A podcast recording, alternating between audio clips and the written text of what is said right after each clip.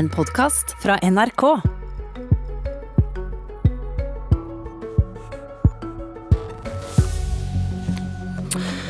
Alle manus er kastet, sa vi for fire år siden, etter natten da Trump ble valgt.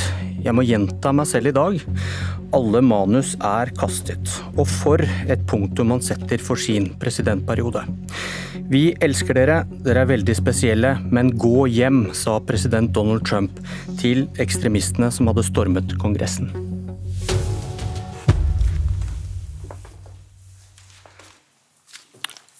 Velkommen til Politisk kvarter. Litt, uh, litt bytteproblemer her på en morgen hvor det, hvor det, skjer mye. Utenriksminister Ine Eriksen Søreide, leder i Arbeiderpartiet Jonas Gahr Støre og nestleder i Fremskrittspartiet Sylvi Listhaug, god morgen. God morgen. Eriksen Søreide, har du sovet? Veldig lite. Hva tenker du om det som skjedde i Washington i går? Det er dypt opprørende, det er veldig alvorlig, og det er et helt uakseptabelt eh, angrep på demokratiet. Men det kommer jo som en følge av særlig to ting. Det ene er et eh, amerikansk samfunn som er dypt splitta, og som blir mer og mer splitta både langs politiske, økonomiske, kulturelle og politiske skillelinjer, og som jo har det i seg at republikanere og dem demokrater også i liten grad bor de samme stedene, går på de samme skolene og har tillit seg imellom.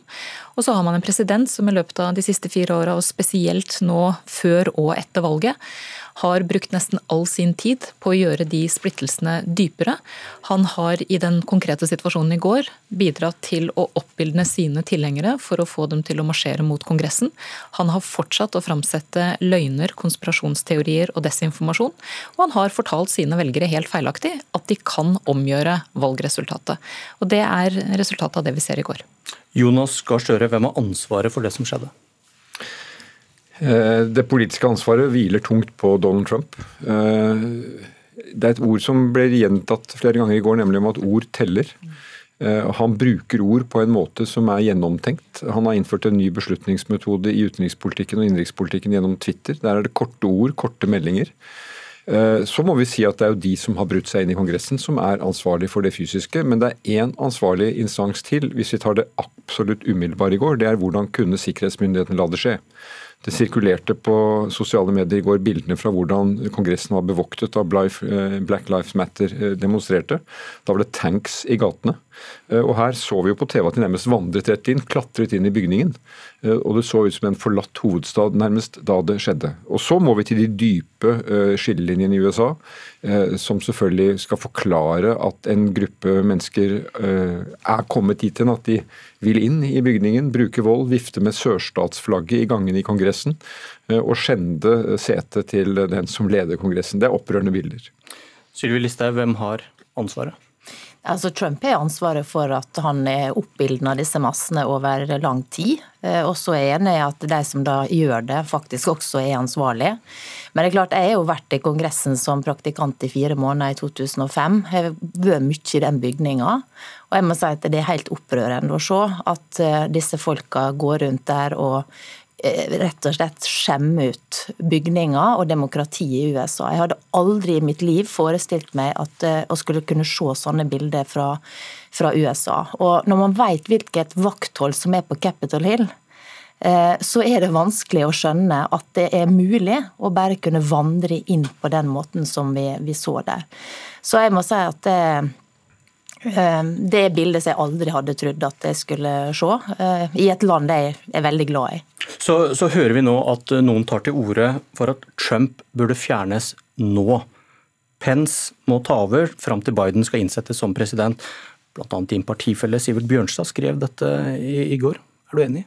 Ja, altså Donald Trump er jo ikke skikka til å være president etter det vi har sett nå, men det er altså amerikanske politikere som skal bestemme det. Det er ikke vi som tar stilling til det. Så det er overlatt fullt og helt til det. Men eh, det som amerikanske politikere også er ansvaret for nå, er å prøve å få til en forsoning. Eh, splittelse i det amerikanske samfunnet er stor, men det er også splittelse internt i partiene. Både det demokratiske partiet og det republikanske partiet. Og Det som er noe av det viktigste framover nå, er at disse to partiene greier å samarbeide i større grad. Og jeg tror jo det som skjedde i går nå kommer til å føre til at mange republikanere besinner seg. Det ser vi allerede, at de nå tar avstand fra det som skjer. Og at de nå ser at det er behov for at man tar større ansvar og samarbeider i den tida som vi skal inn i. Og Da er det også positivt at Joe Biden har så lang erfaring som han har fra Kongressen. Han kjenner mange av de som sitter der. Og Da har jeg et håp om at eh, man skal greie å få til et eh, tettere samarbeid eh, mellom partiene framover. Ja, e- Eriksen Søreide, hvis vi ser framover på, på hva, som, som, kan lege dette, her, da. hva tenker du om kravet om at Trump bør fjernes nå, og ikke vente til 20.1? Det mener jeg er helt og holdent et spørsmål for det amerikanske demokratiske systemet, som jo har vist seg å fungere. Institusjonene har vist seg å fungere, og det er jeg helt trygg på at de kommer til å gjøre denne gangen også. Men det er helt åpenbart at det amerikanske samfunnet nå er i en dyp krise. Det er en splittelse som har fått vokse fram gjennom mange, mange tiår.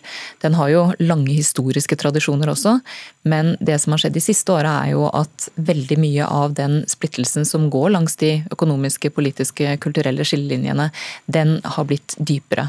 Og jeg husker både statsministeren og jeg før valget eh, både snakka om viktigheten av den grunnleggende ideen i et demokrati, nemlig at den som taper valget må gå av og bidra til en fredelig maktovertagelse, men også at vi snakka om det helt utrolige i at vi satt og reflekterte på det tidspunktet over at det var ikke sikkert at man fikk en fredelig maktovertagelse. Det var ikke sikkert eh, at man kunne unngå vold som en konsekvens av det amerikanske valget. Og Det, det er en foruroligende situasjon. Og, og det å og i det hele tatt tenke den tanken eh, tror jeg nok både for statsministeren og meg var ganske skremmende. Men, men det viste seg jo dessverre at det, det kom.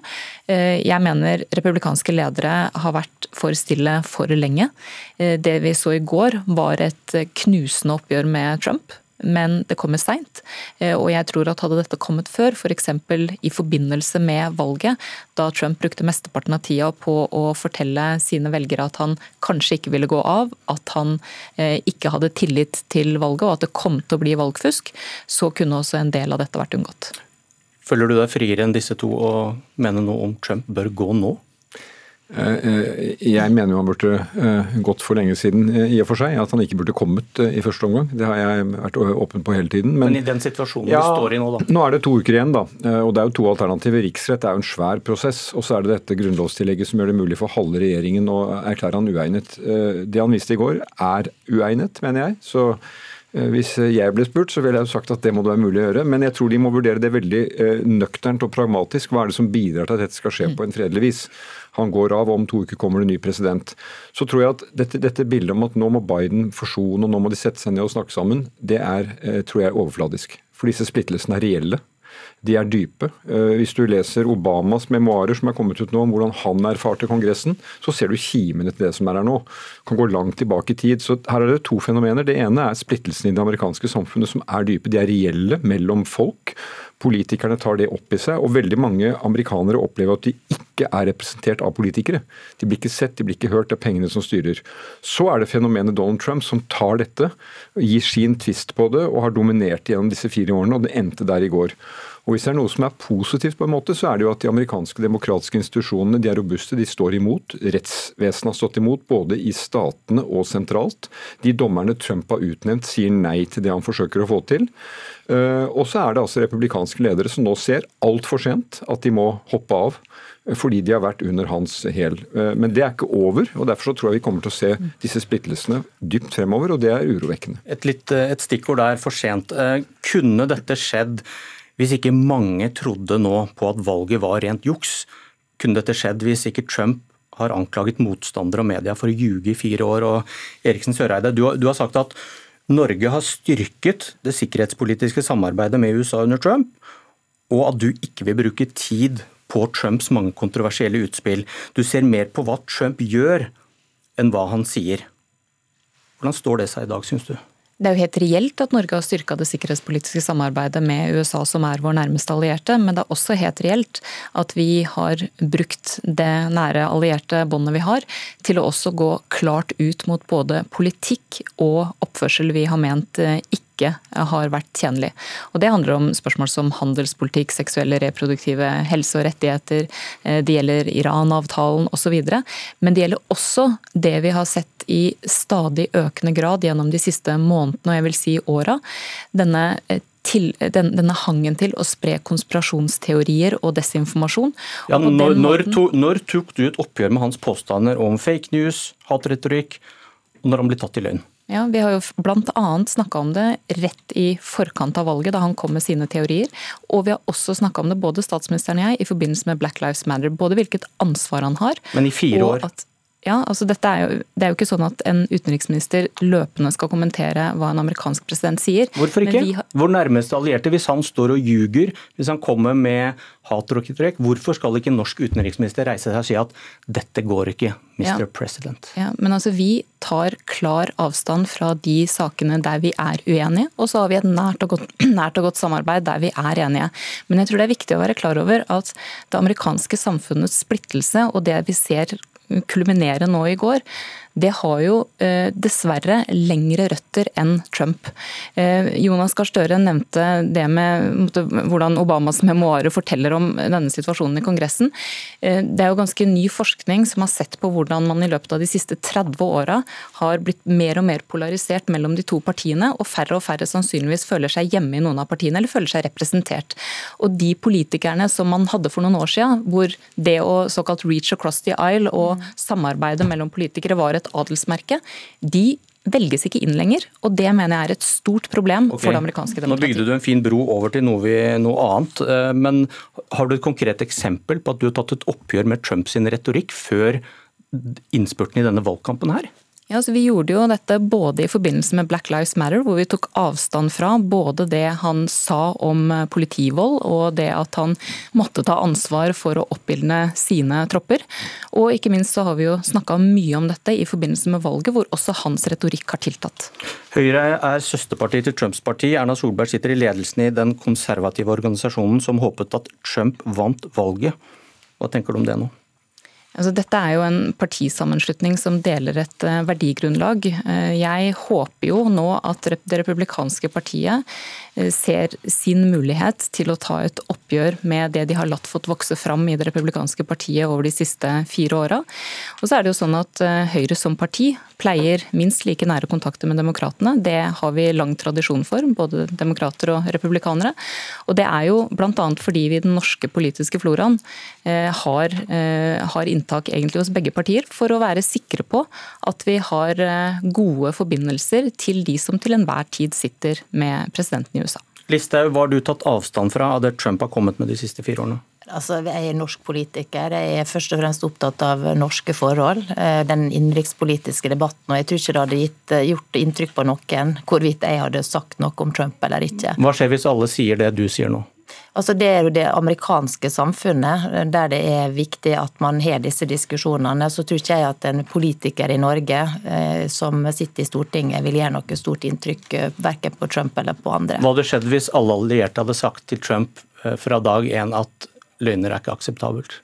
Ja, nå er det, jo vært veldig, det har vært veldig mange statsledere som har vært ute og sagt fra til Trump gjennom disse åra. Eh, så det er jo det har man jo sett, både i Nato-sammenheng og annet. Skal vi tro på at du hadde sagt noe annet som utenriksminister Støre enn det Ine Eriksen Søreide har gjort? Det er et eh, delikat forhold til stater som skifter regjering eh, med regimer du kan like og ikke like. Det erkjenner jeg. Eh, man må håndtere de sakene som gjelder mellom stater. Men jeg tror det er viktig å være prinsipiell. Og når Trump går ut av klimaavtalen, når han bryter med internasjonale avtaler, når han fremsetter påstander, så har man rett til å si ifra. Men ikke retorikken hans, altså? Jo, altså man kan bruke øh, Du kan ikke være en løpende kommentator i amerikansk politikk. Det kan man ikke være. Men man kan si ifra på prinsipielt grunnlag. Det mener jeg mellom, mellom, gode allierte. Når vi har menneskerettighetsdialog med Kina, så har jeg ment at du kan si til Kina at du er uenig i deres brudd på menneskerettighetene. Man må ha en dialog for det. Og selvfølgelig må man også kunne ha det i og med USA. Mm. Og Det er jo akkurat det vi også har gjort, og det opplever jeg at det er brei politisk enighet om i Norge også. Vi går klart ut der vi er uenige i politikkområder, og forsøker også å endre amerikansk holdning på de områdene som er viktige for Norge. Samtidig som vi også har disse viktige verdidiskusjonene. Og Det mener jeg er en balanse og en fornuftig tilnærming til ethvert land. Og Norge har USA som sin nærmeste allierte og har samarbeida godt med USA men, gjennom men vekslende, altså det er klart at når noen nominer, noen nominerer eh, Trump til fredsprisen Men det har ikke jeg gjort. Nei, men det har man gjort fra, fra Stortinget. Og han ringer, opp, han ringer opp midt i valgkampen og takker for det, så er det klart det er et uttrykk som blir lagt merke til. Og det var Politisk kvarter. Jeg heter Bjørn Myklebust.